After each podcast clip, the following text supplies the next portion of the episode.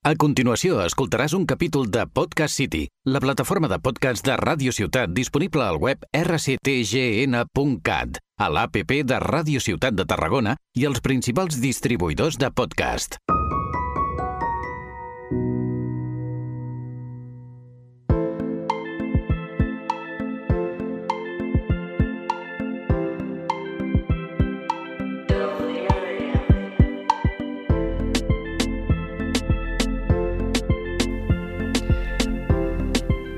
Hola a tots i a totes i benvinguts de nou a Delirium. Jo sóc el Magí i m'acompanyen... El Robert, El Marc, I la Mireia. Bé, avui portem com a convidada la Mireia Calvo. Llavors, Mireia, benvinguda a Delirium. Gràcies. Ara explicaré una mica, com ja ens agrada fer, ja ho sabeu, qui és la Mireia. Llavors, he preparat una mini biografia, la vaig a llegir, després ja em diràs si m'apropo, si no... Vale, comencem.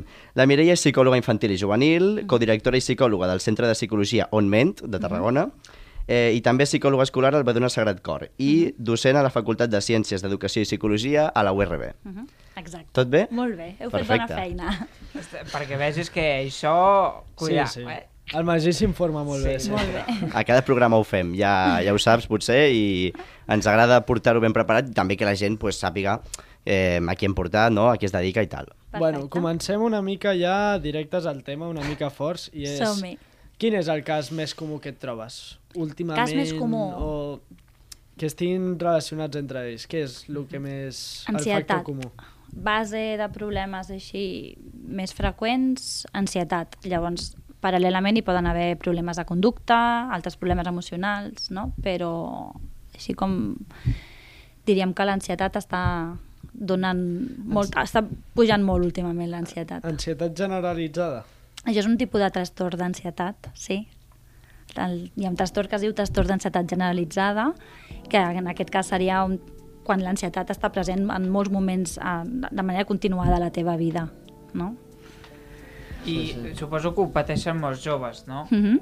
Més que la gent gran.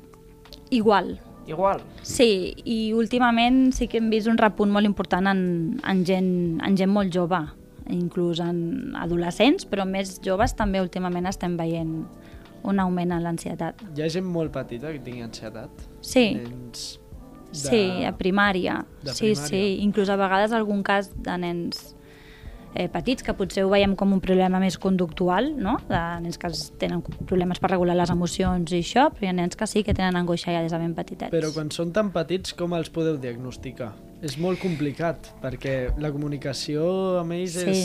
I a més en la psicologia en general és difícil diagnosticar perquè així com quan vas al metge t'has fet mal al braç, et fan una radiografia i diuen te l'has trencat, és un esguins o el que sigui, en la psicologia ens hem de basar en, bueno, tenir, sí que tenim proves estandarditzades que ens ajuden a, a, a buscar informació, però t'has de basar també en la història que t'explica la persona, intentar conèixer el seu context no? en el seu dia a dia i fer un diagnòstic a vegades és, és complicat, no és cosa d'un dia o dos, no? I amb nens petits és més difícil perquè, clar, expressar les emocions costa. Però Clar. la família, escola, no? ens ajuden a veure... Pels nens petits deu ser molt més difícil explicar els seus problemes, potser, o els seus pensaments a una persona que no coneixen tant o no hi ha tanta confiança com el papa, la mama...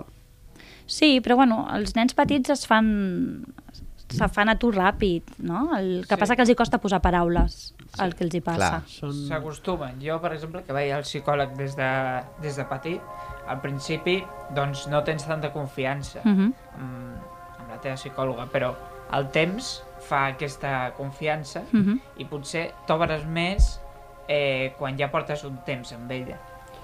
I l'ansietat Uh -huh. evoluciona? Té evolució A millor o a pitjor? amb les dues coses? Sí, o sigui, sí, una ansietat que és algo molt inicial i que es treballa, no? es donen recursos i pautes, pot, pot desaparèixer i Ah. pot tornar a aparèixer al cap d'uns anys, no? però la persona també doncs, ja ha anat, ha anat trobant recursos. I en altres casos un trastorn d'ansietat pot anar lligat també a un trastorn depressiu i llavors així es complica una miqueta més. I com pot anar tema. pitjor? Quins són els factors que fan que l'ansietat vagi a pitjor? Bueno, en la psicologia hi ha base genètica, no? base biològica, que també predisposa a patir aquest problema i a més a més també ha aspectes de, del context, no? de la situació personal que està vivint la persona, de com el seu entorn l'ajuda a gestionar-ho. No? Hi ha una suma de moltes coses, es posa a la coctelera i llavors aquí acaba sortint una cosa o una altra. I a vegades és difícil controlar tots els factors que hi poden tenir a veure. La meva pregunta ara és, canviem de tema, si alguna vegada has pensat en deixar-ho, potser perquè has vist, jo que sé, això no és el meu, jo, hi ha certa gent que potser no puc ajudar perquè no tinc experiència, no sé. És... Sí, bueno, hi ha, a vegades hi ha casos que són complicats. Jo sempre dic que aquells casos que d'entrada semblen molt complicats acaben sent més senzills i aquells que d'entrada dius, ah, això serà senzillet, després te surten per algun lloc i es compliquen. Pensant deixar-ho no, perquè m'apassiona la meva feina, però a vegades no, necessita de sortir, trucar a una companya i dir no puc més, necessita, donem Sí. una mica de llum no? i treballar en equip és molt important per intentar evitar això. Perquè tu portes molts anys amb, de, com a psicòloga. Sí, en porto jo crec que amb 15 mínim. I Sí. jo tinc una pregunta relacionada amb el que has dit dels companys. Els psicòlegs van al psicòleg? Sí, també. Sí. Mhm. Però un Som, psic- som perso com un metge pot anar a un metge també, Sí. no? Doncs un psicòleg pot anar a un psicòleg Però- també. un psicòleg... Eh, si tu, si tens una psicòloga tu, Mhm. tu li pots fer de psicòloga a la persona que t'ha fet de psicòloga? No, no, això es barreja moltes coses ja. No? A nivell d'ètica professional també sempre has d'intentar evitar conèixer la persona amb qui tu treballaràs. És a dir, si a mi m'ha ve una amiga de necessito un psicòleg, jo no li puc fer de psicòloga, de psicòloga jo sóc la seva amiga. No? I inclús a vegades si ve una persona i em diuen ara avui volem que tinguis el germà o la germana. Poques vegades agafem els germans, preferim derivar a algú altre. No? És a dir, com menys coneguis a la persona, millor. Perquè jo quan vaig anar, vam anar amb un germà i jo i van agafar amb un germà una psicòloga i amb Mhm. una altra. Mhm. És, bueno, per, per intentar no barrejar coses és, és, és millor. Si es pot fer, és millor. Hi ha altres casos que es necessiten treballar coses en comú, llavors la mateixa persona pot atendre les dues, no? Però si es pot evitar, millor. Clar, perquè al final tens una relació pacient-psicòleg Mhm. i barrejar dues coses, doncs potser al final no és el millor. Bueno, perquè tens més informació, és a dir, tens informació que potser està contaminada, perquè si coneixes altres coses que t'han explicat o que tu has viscut amb aquesta persona, sense voler la portes a, a teràpia, no? Llavors l'important és treballar amb la persona des del context que ell t'explica en aquell moment. Vale, doncs la meva pregunta és que si des de la pandèmia Uh -huh. ha hagut un increment de casos eh, amb, i, gent que no anava al psicòleg, ara va al psicòleg. Sí, sí, sí. De fet, abans de la pandèmia ja havíem notat més normalització amb el fet d'anar al psicòleg, no? De fet, agraeixo que vosaltres ho hagueu dit públicament aquí, que hi heu anat, no? I sí que sobretot amb gent jove el fet d'anar al psicòleg ja no és un problema, al contrari. Mm. I des de la pandèmia, jo que sortia a les notícies de que hi havia hagut un repunt important, de, un augment important de, de problemes psicològics i emocionals en els adolescents, és veritat, a nosaltres ens ha augmentat molt la demanda de, des, de, des de la pandèmia. No? Potser no just pandèmia, però vam dir d'aquí un any, no? i realment encara estem notant els efectes. Però mai, jo sempre s'ha comentat, perquè també amb la Lídia ho vam comentar, que va tenir un efecte sobre els alumnes i sobre la gent jove, però jo encara no he entès què és el que va fer tot aquest caos. Què és el que ho va provocar? Bueno, es va parar tot d'un dia per l'altre, no? la rutina que tenim tots um, i sobretot a vosaltres com a joves us ha agafat en una etapa de la vostra vida on la socialització és, és molt important i heu hagut de substituir bona part de la socialització um, a través de, bueno, a través de tecnologies, de xarxes socials i això, no? Sí que sembla que només van ser dos o tres mesos els que vam estar sense sortir al carrer, però després sempre era amb por, no t'ajuntis, no fagis, no? Espais públics on poguéssiu anar vosaltres no n'hi havia, no? I tot això, doncs, bueno, és una etapa que, que ha estat diferent a la que haguéssiu tingut segur si, haguessi, si no hi hagués hagut la pandèmia. Clar, ara ja hem tingut sort, jo crec que ja s'ha anat recuperant tot, però Mhm. ens va tocar a altres amb 14 anys i allò va ser dur, clar, que en plena adolescència, amb 14 anys, se't pari tot, Mhm. eh, estiguis uns mesos tancat a casa, tot i que tens totes les xarxes socials, que això pues, està bé. Va ser una Mm, sort, però... Sí, sí, sí, sí. Podria haver sigut pitjor. Coses de la nostra generació. I a damunt, en època escolar, no? Que en, en època escolar, eh, al final la teva educació es complica. Mhm. i l'educació a, a la nostra edat és, és pràcticament el més important, Mm -hmm. Sí, bueno, la major part del dia esteu en una escola, no? on Sí, a sí, part sí. de socialitzar eh, esteu aprenent, llavors això també se us va, se us va tallar, per molt que se substituís per classes online o així, no, no és el mateix. Clar, no és el mateix aquesta relació entre els companys Mhm. i amb el profe, Mm -hmm. per això dic que és millor les, les assignatures eh, presencials que online. Sí, i, i sobretot a la vostra edat. No? Després, quan us feu grans i vulgueu estudiar i hagueu de compaginar feina amb estudis, bueno, la, la formació online també té...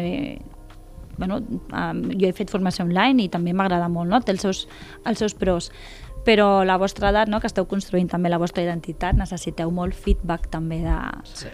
De, del vostre entorn, no? Eh, posar-vos a prova, com reaccionen els altres segons el que feu vosaltres, això també us ajuda a construir-vos a vosaltres mateixos i això va fallar una mica. Sí. Clar, ens estem construint com a persones Mhm. del futur, Sí. perquè som el futur. Clar. Sou el Sí. futur, sí. sí. Som el futur. Sí. Quina I ens- responsabilitat. I ens eh? interessa que el futur pugeu com vosaltres, emprenedors i, amb, i amb ganes de fer coses. Ja ens ho diu, ja ens ho diu tothom. eh? És veritat. Sí, és així. Bueno, Bueno, ja ho hem preguntat, però tu creus que avui en dia encara segueix sent un tema tabú en el psicòleg? Cada vegada menys, per sort, no? El que sí que a vegades eh, algun nen que a vegades ve diu jo vengo aquí perquè estoy loco i dic, bueno, anem a definir el concepte loco, no?, abans de, de continuar. I llavors jo deixo clar que a vegades els explico, sóc experta en emocions, perquè ho entenguin una mica millor. Llavors així es tranquil·litzen una mica, però penso, si ells diuen estoy aquí perquè estoy loco, és probablement perquè algú Els hi ha dit creure. o els hi ha fet creure, no? Però sí, el, crec que, que s'ha perdut el tabú aquest una miqueta. Queda molt per fer, com sempre, però... Però ara ja el psicòleg no s'assumeix tant a estar loco. S'assumeix No. més a tenir eh, problemes o dificultats Mhm. més no tant cap a les emocions de loco, de psicòpata i tal, sinó més enfocat a lo que t'has dit, d'ansietat... Gestió del dia a dia.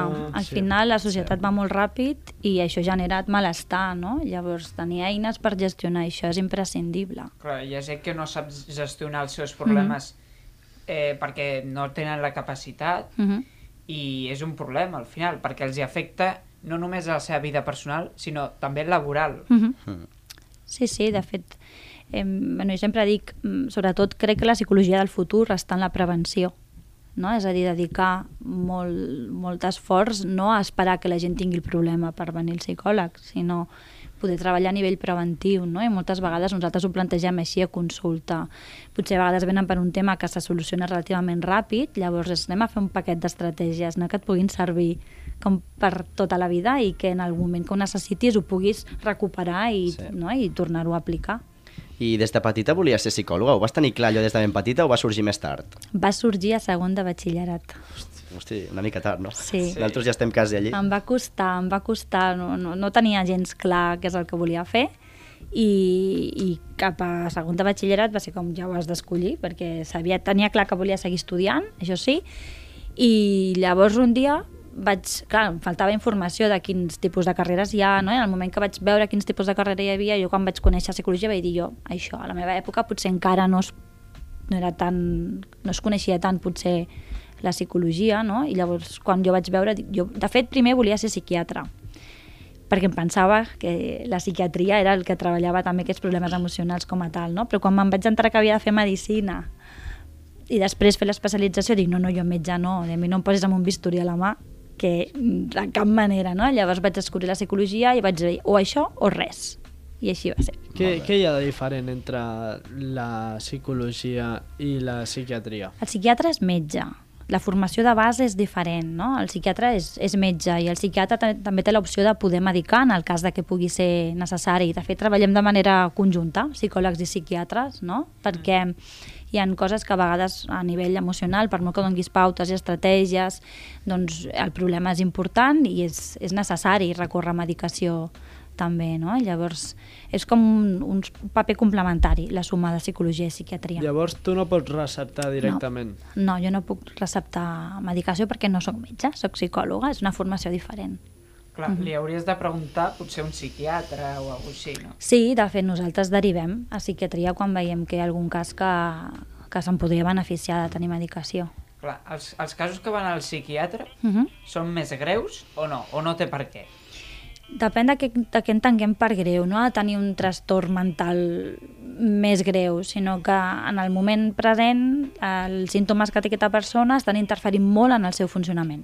Estan interferint molt en el seu funcionament acadèmic, en el seu funcionament social, i quan això dura molt de temps no? És, doncs, i no avancem o no avancem de la manera esperada, doncs a vegades necessitem aquesta medicació perquè fem un treball també molt a nivell cognitiu amb les persones no? i a vegades per molt que vulguis les persones doncs, no, no poden no? arrencar llavors a vegades la medicació ajuda i paral·lelament el treball psicològic no? és quan és més efectiu la persona té, més, té, té un puntet més de, de força per començar a aplicar tot allò que s'està treballant a nivell, a nivell psicològic També us dic que eh, potser el, el tema del psiquiatre sí que està més associat amb estoy loco, no? Sí, a més A la a la, societat. a la nostra zona, com que tenim la Fundació Pere Mata, no? a la gent a vegades li fa com una mica de, de cosa aquest nom, no? però bueno, hi ha professionals de tot, de, tot, de tot tipus, no? i la salut mental pública aquí a la nostra zona es porta des de Pere Mata, hi ha pacients més greus i pacients menys, menys Sí. greus. Sí que és veritat que de forma vulgar sempre es parla de Pere Mata. Tu podries anar al Pere Exacte. Mata, tu... Sí, s'utilitza com algo dolent, no? Sí, com algo com es- despectiu. No hi ha solució, no? Has d'anar a Pere Mata, però dins de Pere Mata hi ha la unitat de greus i hi ha la unitat també de coses més, més lleus, no? Doncs quines habilitats has de tenir com a persona Uh -huh. eh, per ser eh, psicòleg? Habilitats com a persona, sobretot empatia, no? Saber-te posar al lloc Sí. de l'altre i respectar, no? I ser el mínim invasiu possible, perquè per molt que tu vegis clar què és el que li està passant i què és el que ha de fer, has d'intentar-te posar en el seu context, no? És a dir, és com quan li dones un consell a un amic. No és el mateix, eh? no vull comparar ser psicòleg amb donar consells a un amic, però quan és molt fàcil veure la solució des de fora. És fàcil que li digui a un amic, és que tu el que has de fer és això, no? I per què no ho fa? Bueno, doncs com a psicòleg no pots dir-li, has de fer això. No? Has d'ajudar-lo que ell mateix pugui trobar un camí diferent. Encara el camí que està seguint no li està funcionant, doncs n'ha de trobar un altre, però l'has d'ajudar que el trobi ell, el camí. Però no, no doneu solucions. Ajudeu a, a solucionar-ho, però no doneu dir, solucions. hi ha estratègies que es poden donar i es donen, no? Però, clar, no és, no és la nostra filosofia de dir tu has de fer això, no? És a dir, has d'ajudar la persona que pugui trobar la seva manera de solucionar-ho, perquè hi ha moltes estratègies i hi ha molts manuals d'estratègies que poden servir, eh, però aplicades així com a tal no funcionen a vegades. Per què? No? Per què a una persona li funciona i a una altra no? Igual que les tècniques d'estudi. Potser algú de vosaltres diu, doncs jo faig esquemes, doncs jo no, jo no. no? Vull dir, al final has de, has de trobar que la persona, bueno, individualitzar el, el, la intervenció. Clar, jo, jo el que buscava quan anava a la psicòloga era el que tu... O sigui, buscava, digue'm, com fer això fer? per tenir això. Era molt pragmàtic. De fet, és la, molt... és la demanda que tothom és, no? Inclús pares, arregla mal. Sí, No? és això. És... Hi ha aquest problema... Arregla mal, digue'm què he de fer, no? Llavors, bueno, és un treball que va una miqueta més enllà. Es poden donar estratègies per parar el cop al principi, però perquè això es mantingui, la, perquè l'evolució es mantingui, doncs també hi ha d'haver un treball en què eh, bueno, la persona ha de saber per què ho està fent i tenir la motivació pel canvi, si no, no funciona. I abans has parlat d'empatia. Mm -hmm. No et poses com una motxilla al sentir tanta càrrega emocional de l'altra gent? Al final no... Sempre es diu que l'amic que té una amiga que és molt intensa, al final també s'emporta la motxilla, porta Sí. una càrrega. Per això és molt important saber l'autoconeixement no? i veure quan t'està afectant alguna cosa i si és necessari anar a un psicòleg que et pugui ajudar en això, doncs també hi podríem anar. No? Nosaltres, com que treballem molt en equip, doncs entre nosaltres ens fem aquest, una mica de debriefing que es diu de anem a, a explicar, doncs mira, és que porto aquest problema i això em preocupa molt perquè arribo a casa, no? I això també ens ajuda una mica a parlar-ne després de les sessions dels casos sense posar noms, perquè hi ha d'haver una confidencialitat, també ens ajuda a nosaltres a descarregar una mica Però, càrrega emocional. Tu- És que amb lo de que un psicòleg vagi a un psicòleg m'ha sobtat perquè... Home. És que tu no veus com les estratègies que hi farà servir. Sí. O sigui, no veus com jo- venir ja Jo tot? sempre dic que l'avantatge de ser psicòleg és de que te n'adones més ràpid d'on falles i te n'adones més ràpid, però a vegades falles. I una visió externa sempre també t'ajuda. No? És a dir, anar al psicòleg és com posar-te davant d'un mirall. És a dir, tu quan, el fet de tu haver de abocar la informació, ja li estàs, ja l'estàs construint, no? ja te la treus d'aquí i te la poses al davant. Doncs el psicòleg una mica també és això, treus tota la informació, la poses al davant i és més fàcil construir-la. No? Llavors, a vegades, anar-hi ens pot ajudar també. Abans has parlat de prevenció. Sí. Eh, els pares poden anar al psicòleg per prevenir com educar els seus fills? Suposo que sí, no? Sí, el que passa que no seria tant com anar al psicòleg, però per exemple hi ha escoles de pares que es diu que és per, per treballar, se li diu escola de pares, no? però són mm. tipus de treball, bueno, de sessions en grup on es treballen doncs, pautes eh, educatives o de com resoldre problemes, com gestionar les emocions. És a dir, és més com un entrenament, com un aprenentatge, no pas com un vaig al psicòleg perquè hi ha un problema, no? Però... I la psicologia entesa des del punt de vista d'una assignatura, nosaltres ara l'estem fent a primer de batxillerat, mm -hmm. però clar, només se fa a la modalitat de disseny social, humanístic o les lletres mm -hmm. en general. Creus que s'hauria de fer tant a primer com a segon de batxillerat perquè a segon no es fa, o a primer um, sense dependre de la modalitat? Què creus? no sé si com una assignatura com a tal, però penso que la psicologia hauria d'estar present des d'etapa infantil eh, de, per el que us deia abans, no? com a, a mode preventiu. De la mateixa manera que dic que primers auxilis hauria de ser una cosa que s'ensenya a les escoles des de molt petits i penso que estratègies psicològiques s'haurien d'anar treballant. No sé si com una assignatura cada any, no? Yeah. Però potser a vegades des de tutories, no? Sé que els sí. tutors plantegen activitats sí. que poden... Sempre ho enfoquen més cap a la psicologia. Bueno, ho intenten, intenten. mitjançant tests, vídeos, en les... que no sigui molt efectiu, és Clar. obvi perquè Bueno. tampoc saben com fer-ho, crec jo. Exacte. No, No són experts. Exacte. psicòlegs. Clar, clar, clar és això. No pots forçar una cosa que no, que bueno, no és. potser sí que, que el- estaria bé no? que hi hagués el paper de que les tutories les pogués fer una persona doncs, Sí. o una part de la tutoria la pogués fer una persona més especialista, però bueno, ja, ja anirà canviant. Jo crec que amb els anys han anat canviant les coses. Jo vaig a les escoles i mm, a les aules d'educació infantil, sobretot, sempre hi veig eh, referències a coses emocionals que és un semàfor de les emocions, que si un respiro i em tranquil·litzo, no? un racó de la calma, i a primària també. Per tant, s'està fent alguna I a cosa. l'ESO? Bueno, a l'ESO a nivell visual no es veu tant això, perquè vosaltres ni tan sols us agradaria, no, ara ja no esteu a l'ESO, però yeah. Aquest reforç més visual de tenir un semàfor de les emocions, no, clar, no? Hauria de ser, una hauria de ser algo més ajustat a la vostra, a la vostra edat. Inclús potser la vostra edat hauria de ser algo més íntim, no tant des- d'haver-ho de recordar més a nivell de grup, sinó algo més personal i més, Sí, més entrevi íntim. com entrevistes i tutories personals. Sí, és Més de això. seguiment, sí. Tutories... Però obligatòries o no? Clar, hi deia el dubte. Home, ho pots fer opcional, m'imagino, però... Com a obligatori, jo crec que mai s'ha d'obligar Ja. a res, no? perquè quan t'obliguen a alguna cosa, només aquesta predisposició de que és obligatori ja, ja et tanca. Llavors, Recomanable. recomana... Exacte, m'agrada aquesta paraula. Recomanable. Recomanable. Sí, sí, sí. Molt Ah, recomanable. Per I- tant, hauria d'anar tothom al psicòleg o no? Jo penso que no, no és com hauria d'anar tothom al psicòleg, però penso que a tots, a tots, en algun moment de la nostra vida, ens hauria haver anat bé, ens, hauria, ens aniria bé anar al psicòleg, en moments puntuals de la nostra vida. Potser no com una cosa de hi vaig sempre, no? En altres països sí que, sí que hi ha cultura d'anar al psicòleg com anar al terapeuta, no com algo més eh, normalitzat i el teu, el teu terapeuta setmanal i de tota la vida. Potser això no és necessari, però sí que en moments puntuals de la nostra vida penso que tothom en algun moment ha passat alguna situació en la que li hagués anat bé. Clar, és que la salut mental cada vegada és el que diem, no? que té un pes més important i s'entén, i cada vegada se li dona més més bola, més importància, jo crec, perquè és que ha de ser així, sobretot en els joves, perquè eh, jo crec que som, no? Posem som, perquè nosaltres som joves, som com la població més afectada. També soc jove, Sí, eh? sí, sí, sí. Eh, no he dit que no, No que no ho siguis, eh? I és això, que jo crec que cada vegada els joves mm, som els que, això, no? els que ho patim més, aquests tipus de problemes de salut mental, potser. I s'està demostrant. Ho ha dit ell, potser des de la pandèmia, potser no té res a veure amb la pandèmia, no ho sé.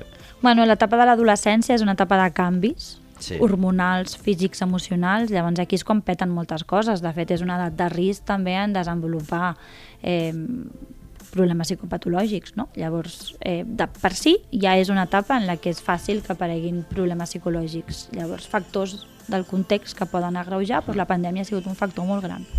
I, I tu potser tens algun, algun problema de salut mental i potser no et dones compte del Mhm. problema que tens, no? Això potser passa molt amb, amb els problemes de nutrició, no? Mhm. Que tu no et dones compte dels problemes de nutrició que pots tenir fins que no t'ho diuen, no? Sí, o saps que alguna no va bé, però no saps trobar què és el que falla, no? De fet, abans em preguntàveu quin és el problema de base, que més, el, el motiu de consulta més alt, i he dit ansi- ansietat per generalitzar-ho, però en, en la vostra edat també trastorn de conducta alimentària, autolesions, no? També és una cosa que està, està en auge. No podem dir està de moda, però No, és... no. No, clar. és Està de bastant- moda, és, és lleig. no bueno, és lleig, vull dir... No és, no és, és el que Jo dit, sempre dic que està de moda, en el, si, està, si està de moda vol dir que n'hi fem més cas, n'estem més pendents, se'n parla més i s'estudia més, perfecte, Això, podem jo dir que està de moda, això. no? Però no sí, està de moda, òbviament no és algo que no, ja ens entenem amb Sí. això, però, però sí que és veritat que, tot i que de base hi ha l'ansietat, no? Desenvolupen Exacte. altres. Un, I jo tinc una pregunta. Tu no creus que la gent recorreix a tu com si tu tinguessis el manual de la vida? Com si Sí. tu tens un llibre màgic que... Sí, dius, sí, sí. té, Mira, de, de fet, me'n recordo una vegada amb una, amb una xerrada que vam fer a professors, no? va venir un, un professor al final i ens va dir m'heu decepcionat. I jo, no, cara blanca, per què? Què hem fet? I diu, no m'heu donat la solució al problema que jo tinc a classe. I vaig dir, ostres, dic, és que si tingués una vareta màgica, no? o tingués la solució, dic, jo ho patento i aquí, vamos, ja puc plegar veles i ja, i ja està, no? Dic, la gràcia és saber afrontar les coses a la vida. La vida ens porta problemes de manera constant, no? Bueno, problemes, situacions a afrontar. Llavors, al final, és, no, no hi ha una única solució a tot. Però sí, sí, la gent és com... Inclús algú enfadat, no? Em diu, és que jo, jo venia aquí per pujar la meva autoestima i no me l'has pujat. Dic, bueno, dic, és que clar, el concepte de pujar l'autoestima no és que jo te la pugi, dic, no tinc una cosa que fa que pugi l'autoestima, no? És un treball de fons que s'ha de fer i t'has d'implicar. Tu has de col·laborar, no? Exacte. Amb, amb el que tens. De fet, si la persona que ve no té motivació, no està en un moment amb ganes de, de canviar o de fer coses diferents o de millorar, poca cosa, Clar, és difícil. poca cosa podem fer. Has de posar tu Sí. també alguna no? perquè la cosa tiri endavant, Sí. si no... Si, Sí, llavors també és feina nostra, eh, aconseguir Clar. que la persona entri en aquest punt. si Com trobes si fos en un incentiu, no? Sí, sí, al final és això. Si fos un... O sigui, si es donés un cas així, Mhm. ja sé que no tens el manual d'instruccions, però què es fa? O sigui, com... És com trobar-te una paret, saps? Sí. És com que no pots. Al Bueno. final jo ho veig així, no? És com, En el meu cas, jo normalment al principi, quan començo teràpia amb una família o amb algú, sempre explico, no? valoro quines són les expectatives i explico quina és la meva manera de, de treballar i jo ja els hi dic, no tinc la solució a tot, si veniu aquí només a trobar solucions no, no és el lloc adequat, no? però jo estic disposada a ajudar-vos a, no? a treballar juntament per, per trobar, per ajudar-vos a trobar aquesta solució. Hem preparat una secció, ara eh, t'ho explicarem una mica. Els dos eh, convidats anteriors els Sí. vam fer un què prefieres. Vale? Els noms els posem en castellà, no, però no és un què prefieres, el teu. O sigui, Ah, t'estic explicant una mica. Els Vale. dos anteriors els hi vam fer un què prefieres. Els hi donàvem dos possibilitats doncs, relacionades amb el seu Mhm. tema. La Lídia, tema professora, tema escriptora, i el, el DJ Rayo, doncs, tema música. Llavors, a tu t'hem preparat una secció diferent que es diu Mito o Verdad. Ai, vale, vinga. Llavors- Estrenes, estrenes secció, Estreno eh? secció, vinga, va. Estrena secció.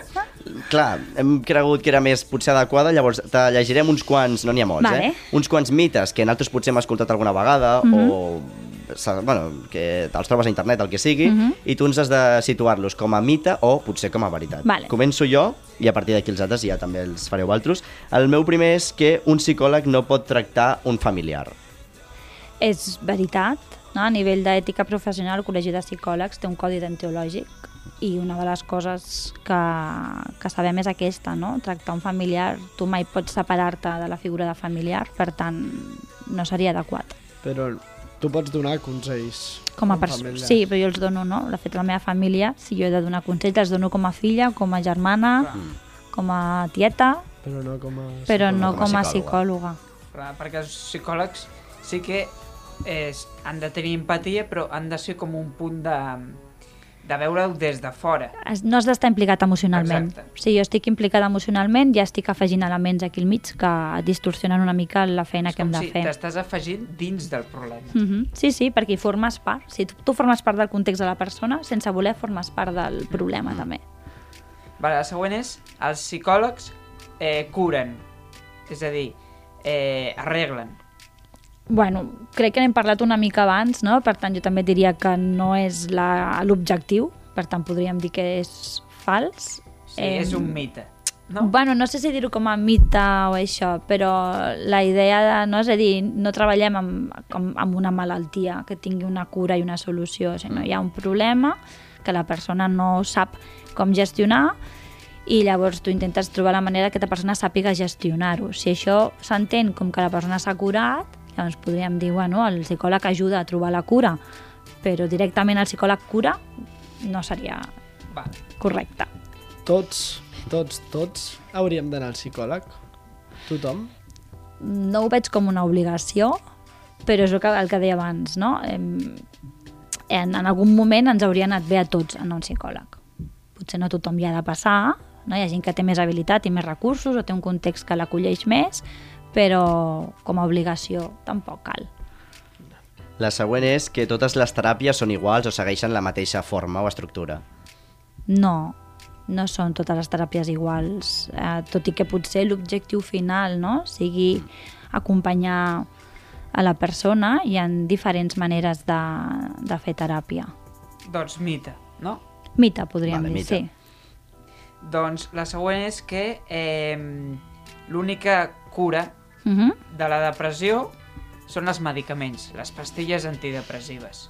No és l'única cura, però hi ha casos greus en què és necessari passar també per medicació. Però, si la medicació eh, sola, probablement tampoc és suficient. No? Jo crec que és la suma de les dues coses. Per tant, si he de dir mita, per la veritat diria mita. Mita. Jo tinc una pregunta que és així una mica polèmica. Vinga, vale. I és... Ai. Eh, no, no passa res. A veure, tu creus que els psicòlegs creen dependència als pacients pel seu interès econòmic? Mm, no hauria de ser així. De fet, Però- un bon psicòleg no hauria de fer això, ha de saber trobar el moment, no? De fet, no, no hi ha un temps determinat de teràpia, tot depèn del cas, depèn del moment personal, no? Però eh, tu iniciant, inicialment pots fer unes sessions de manera més continuada i a la llarga les vas anant separant, no? Si realment la persona no pot deixar de venir al psicòleg quan tu consideres... Això és un problema també, perquè aquesta dependència és un problema nou. Per tant, eh, me'n recordo com es formula la pregunta, però és un mite. O sigui, que, que no crea dependència. No. I menys per interès econòmic. Si crea de, si, o sigui, per interès econòmic, evidentment, no. De fet, crec que per sort avui en dia estem en un moment en què no ens faltarà feina. Per Ja. tant, mm, no hauria de ser aquest, aquest el motiu, no? I a més a més, una, la, nota, la nostra ètica professional, és a dir, no s'han d'allargar sessions quan ja no són necessàries. En altres casos, què m'ha passat? Doncs gent que potser va venir amb mi quan tenia 8-9 anys i ara 5 anys després han tornat puntualment per un problema, no? Potser d'una durada d'un mes, unes setmanes, hem fet dos, tres sessions, 10, depèn, i llavors potser no es torno a veure més. Bueno, en, en definitiva crec que han guanyat els mites perquè ja t'ho dic, és que s'escolten moltes borrades a vegades. Sí. Hem intentat triar alguns que se puguin argumentar de les dues formes, Sí. algun és més directe que algun altre, però Mm. hem intentat ser una mica, ser una mica parcials i eh, deixar-ho així. Doncs eh, abans d'acabar, Massi, no Digues. sé si vols fer spam. Això és sempre. veritat. Vinga, M'ho has- va. M'ho m'ho has fet en recordar, eh? ja no me'n recordava. Eh, bueno, fem spam naltros de l'Instagram, arroba delirium barra baixa podcast, i també del Twitter, arroba delirium barra baixa city 3. I no sé si, si vol dir el centre. Bueno, vols fer l'spam d'alguna forma, tu també? Ja deixem els convidats bueno, ja, també heu- que... ja ho heu dit al principi. Sí, hem no dit el patiu. centre de psicologia, no? Sí. Per tant, Per perfecte. tant, Massi, quina hora és? Bé, són les 10.49 i esperem que us hagi agradat. Bona nit. Bona nit i gràcies.